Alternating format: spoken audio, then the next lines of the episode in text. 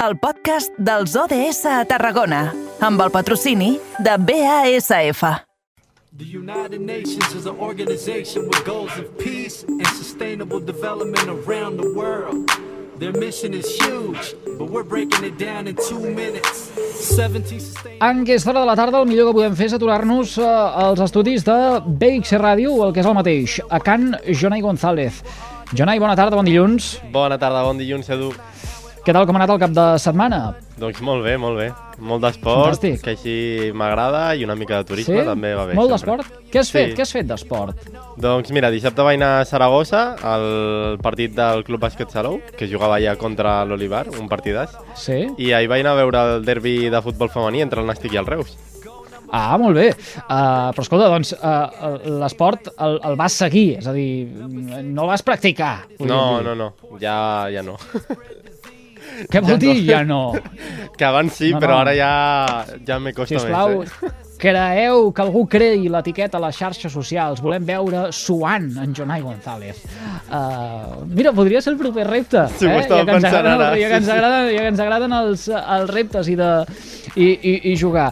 Escolta una cosa, va, objectius de desenvolupament sostenibles, anem pel bon camí, redrecem la uh, situació, Agenda 2030 de les Nacions Unides, aquest pilar que vam començar a aixecar el passat mes de setembre, a l'inici de la temporada, i que ens anirà acompanyant, perquè són aquests uh, 17 uh, objectius que molta gent obvia, però que són ben presents i que eh, hem d'anar treballant amb l'objectiu, valgui la redundància, eh, d'assolir-los arribada en aquesta data, o almenys això és el que eh, ens proposen eh, les Nacions Unides. Tu diràs, avui de què parlem?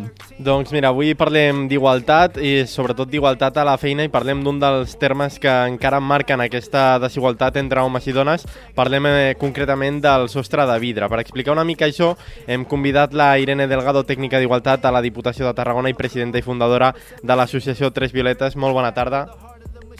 Hola, molt bona tarda i bon any, què tal, com va? Molt bé. Bon any, gràcies per compartir de nou una estoneta amb, amb nosaltres. A veure, Un plaer. Sost, sostre de vidre, sostre de vidre. Aquí el Jonai eh, ja ha començat fort. Eh, Sí, ha dit, fort, fort. Vinga, va, que, que, que, tothom, que tothom sap, tothom entén eh, què és això del sostre de vidre. Anem a pams, eh, posem-hi nom i cognoms. Sostre de vidre, mm, davant de què ens trobem?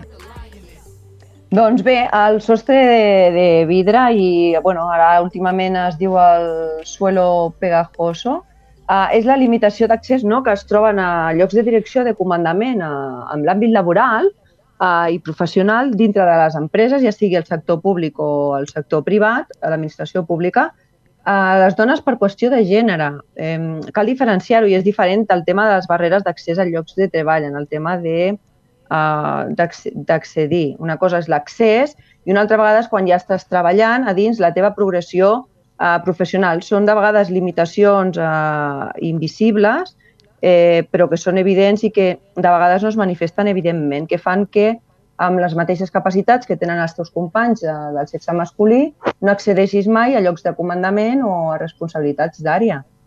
Uh -huh. Aquest canvi de, de nom, que no l'havia sentit mai, per exemple, això del, del, del terra enganxifós. Terra enganxós. Sí. Mhm. eh, no sé si també té alguna a veure amb, amb la situació actual o de, o de com hem, hem avançat amb aquest sostre de vidre, potser. No sé si té alguna a veure aquest nom. Uh, no, uh, sim simplement és el, bueno, uh, des de la perspectiva amb la qual uh, vegis aquest tema de el, la, la poca progressió i la poca aspiració que tens professional i real a l'hora de, bueno, de sentir-te atrapada no? i des de, des de mirar de... Bueno, uh, L'objectiu que és arribar a dalt, no? a un lloc de comandament, a un lloc a, a, de responsabilitat, però et trobes atrapada, uh, enganxada, per això es diu el, el terra enganxós, uh, te trobes arrelada a, bueno, a la- situació, a la categoria professional, al lloc on estàs actualment. De- de que- D'això ha derivat una mica aquesta evolució de, del concepte. Uh -huh. per què Sí, sí, és veritat. Per què tendim a que, a que uh, les dones hagin de fer molta més feina per arribar a llocs de treball que, que, que els homes poden aconseguir amb més facilitat? Què, què és el que, el que falta per millorar en, en aquest aspecte? Bueno, jo crec que, no sé com ho veieu altres, però eh, el tema està amb, el, amb, el, amb els obstacles. Eh, és un tema en què, eh, per exemple, els, els obstacles que, que, ens, que ens trobem per, uh, per arribar a les mateixes condicions, les capacitats, eh, normalment tots les tenim igual, dones i homes amb, amb mateixes categories, mateixes funcions. El tema està en el tema de ser dona, el tema del gènere, no? Uh, sobretot uh, el tema de l'edat fèrtil, uh, quan, quan te quedes embarassada, temes de lactància, temes de permisos i llicència per cura de fills, absències laborals per cura de, de, de menors, no? Quan, quan truquen sempre faig la mateixa reflexió, no? No sé si a la ràdio passa el mateix amb les companyes i que, que teniu i companys. Quan truquen de les escoles que algun nen o fill, filla ha caigut, aquí truquen. Quan s'han de reunir, per sort això està canviant, eh? però quan s'han de reunir amb els tutors o tutores, Aquí, aquí truca normalment a les dones a la, pel tema de la conciliació familiar, s'agafen més reduccions de jornada i això al final a la llarga passa factura i, i fa que, que no tinguis aquesta, aquesta progressió i les empreses i les organitzacions pues, acabin decidint-se entre un home amb una, uh, i una dona amb les mateixes capacitats um, mm. agafar i escollir pues, un home perquè bueno, tot això um, es és un estereotip i uns rols que ens ve de per si i, i que creuen que, que ells no, no tindran aquesta, aquests tipus de, de problemes i que el compromís serà més fort amb els, amb els, amb els objectius i, i amb el compromís empresarial. Mm, quina explicació hi hauria, però, darrere de que al final eh, aquests rols ja venen eh, donats perquè sí, quan el més lògic seria, per exemple, eh, que eh, escalar eh, dintre eh, d'un àmbit laboral o aconseguir un lloc de feina, al final anés eh, per, per mèrits, eh, entenc, o per la qualificació, o per eh, una oposició, no ho sé, eh? Vull dir, al final, eh, en cap cas hauria d'interferir si es tracta d'un home o d'una dona i de, i de la projecció que tingui aquest home o aquesta dona en la seva vida particular en la seva vida eh, privada. O, o, en, o, o, en, o en el, el cas de les escoles, eh? Aquest exemple eh, que potser no l'haguéssim posat, eh? Quan eh, ens haguéssim referit a això, el sostre de vidre o aquest eh, terra eh, enganxós quan el més normal seria, no ho sé, eh? parlo ara des del coneixement perquè no sóc eh, pare, que per exemple el centre que el centre digués eh, mitjançant, no sé, un formulari, eh, en cas d'emergència, eh, quin seria el primer contacte i en cas que aquell primer contacte eh, no despatgés el telèfon, quin seria el segon contacte? No sé, eh? Tens, tens tota la raó. I a més aquests formularis existeixen. És el primer que et fan omplir eh, quan, quan, quan, quan, a principi de curs. El, la qüestió és que el primer número que truca, el número 1, sempre sempre sol ser la mare. Uh, uh, tens tota la raó en el sentit de que, de que funciona així. Uh, són, són situacions que es donen i que no s'haurien de donar i que ve donada pel rol de cura i pels estereotips que la societat pues, uh, ens ha donat i ens ha assignat a, a, les, a les dones, que per sort eh, van canviant, cada vegada ho veus més, però que eh, bueno, pues estan, afavoreixen aquest sostre, aquest sostre de, de vidre. Uh -huh. de, i, I la tendència és a, a, a canviar o a desa, desaparèixer o, o, o minimitzar uh, això? Pregunto, eh? no sé si des de la Diputació uh, això es té registrat o des de l'associació uh, Tres Violetes se'n té constància. Ho dic perquè, per exemple, uh, uns quants anys enrere eh, es preguntava l'estat civil quan algú anava en una entrevista de feina. Eh, ara mm, diria que si et preguntat per l'estat civil eh, pots dir amb aquell senyor senyora de recursos humans eh, això a vostè no li interessa. Eh, és discriminació. Si et fan aquesta pregunta en una entrevista de feina, és discriminació. Te contestaré una cosa que has dit abans que és molt interessant, que és el tema de, la, de regular-ho. Precisament a les administracions públiques cada vegada passa menys. Per què? Perquè hi ha una, una, una regularització de les bases molt establertes i per llei i és molt, eh, molt neutre i molt igualitari perquè hi ha unes bases en què t'has d'adaptar i que està molt regulat i aleshores la discriminació és pràcticament impossible. O sigui, és que és així, són les bases i no et pots moure d'aquestes bases. Sobretot passa molt amb el tema de l'empresa privada, però això ja estaríem parlant de lo que és l'accés inclús de la promoció interna i, i concurs per mèrits, també està tot molt regulat. Sobretot passa molt més a, la, a lo que és l'empresa privada.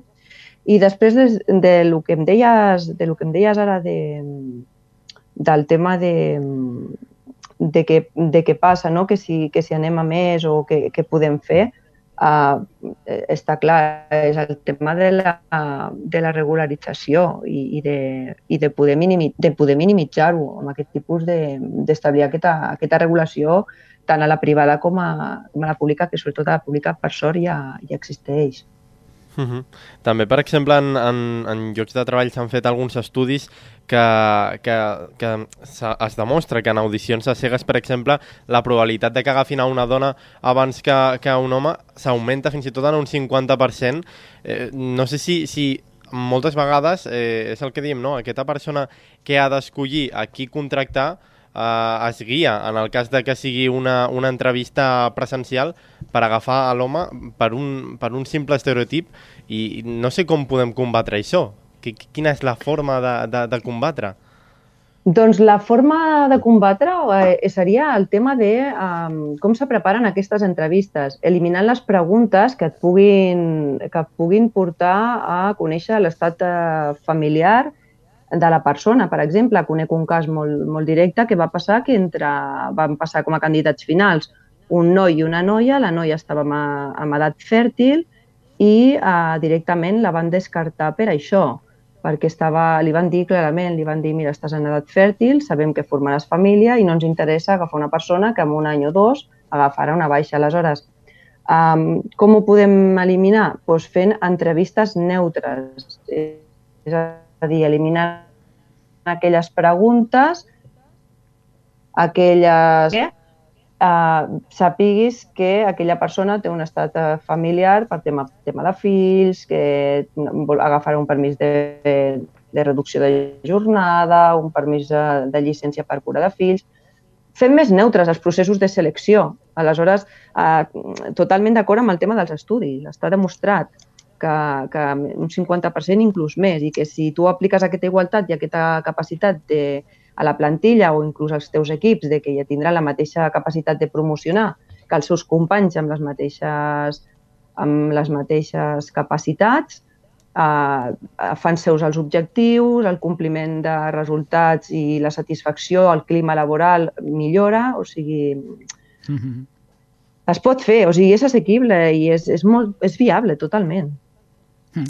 Senyora Delgado, i, i si alguna dona realment es troba i se n'adona de que està patint aquesta discriminació eh, en una entrevista de feina o dintre mateix del seu àmbit laboral a l'hora d'escalar de, eh, en aquest organigrama, eh, o suposat eh, organigrama. Eh, sí, sí. Què, què, què, què, què s'ha de fer?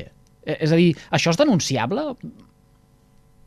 Tot, totalment. És, és una qüestió, doncs mira, si estàs en un procés de selecció, per exemple, el pots impugnar si estàs en una entrevista de feina, ho pots ficar de manifest que estàs patint una discriminació i també anar via inspecció de treball, si estàs en una entrevista de treball. Si són unes bases eh, que estan publicades, es poden, perquè veus que els mèrits o qualsevol punt eh, hi ha un tema discriminatori, cada vegada costa més trobar-ho. Eh? Eh, per escrit, eh, és el que deia abans, no? el sostre de vidre i totes aquestes coses, però ja estaríem parlant del tema d'accés. Però bueno, si estem en un tema de promoció, que seria per, per arribar a un lloc de comandament o, o de responsabilitat, eh, és, és totalment denunciable, ja sigui per discriminació i pots, pots anar per la via per la via d'inspecció de treball i, o d'impugnació, primer, en primera instància, impugnació de, del procés de selecció. Sí, sí, totalment. Uh -huh. També volia saber una mica, clar, eh, això jo crec que comporta que al final psicològicament moltes dones també se sentin que, que, que no poden aconseguir potser alguns dels seus objectius. Mm, com afecta això realment a, a, a les dones? Doncs té diferents eh, temps eh, per aquí vas molt bé. Hi ha moltes afectacions eh, i sobretot eh, psicològiques, personals, com a persona en si, no? Perquè al final som dones, eh, som mares i també ens agrada sentir-nos realitzades professionalment. Eh, doncs això te produeix una frustració perquè veus que tens capacitats. Aleshores, eh, vas minorant, vas, vas baixant, eh, t'afecta, vas baixant eh, la renda, la, la renda bueno, com, com rendeixes, els objectius, et desmotives, hi ha una desmotivació, um, veus que no tens una progressió, per, perds la il·lusió, pots acabar, bueno, hi ha persones que acaben amb el, amb el síndrome del burnout, no? que és el síndrome de la treballadora cremada o el treballador cremat.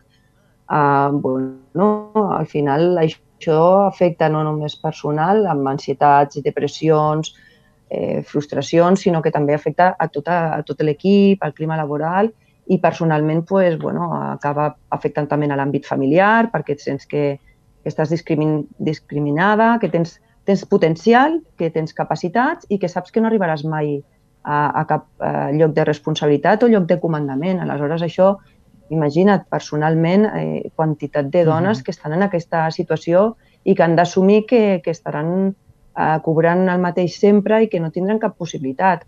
I no només afecta el present, perquè parlem del present i parlem de, de que ens afecta no només emocionalment, sinó també econòmicament, perquè eh, no podrem progressar ni, ni, ni cobrar el mateix que cobren els, els nostres companys de, de l'altre sexe i després en un futur el tema de les cotitzacions i de les pensions, o sigui, no és una cosa ja emocional i física que per mi, per mi és la, la més important, eh? la, la salut i el benestar psicològic de, la, mm. de les persones.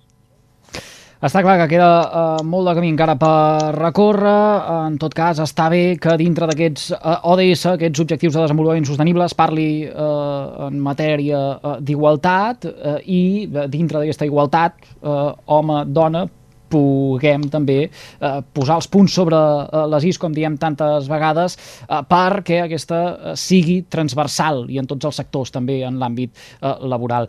Quelcom que ens cada, eh, encara ens queda una mica lluny, però que convé de tant en tant parlar-ne per per vaja, eh, mirar de poder fer alguna cosa i entre tots eh, realment poder eh, assolir o materialitzar aquesta, aquesta igualtat. Li agraïm moltíssim eh, un dia més a la Irene Delgado, que és tècnica d'Igualtat a la Diputació de Tarragona i presidenta i fundadora de l'Associació Tres Violetes, que ens hagi fet eh, confiança i compartit aquests minutets amb nosaltres. Senyora Delgado, un plaer Moltes com sempre. gràcies a vosaltres també. Un plaer com sempre, gràcies.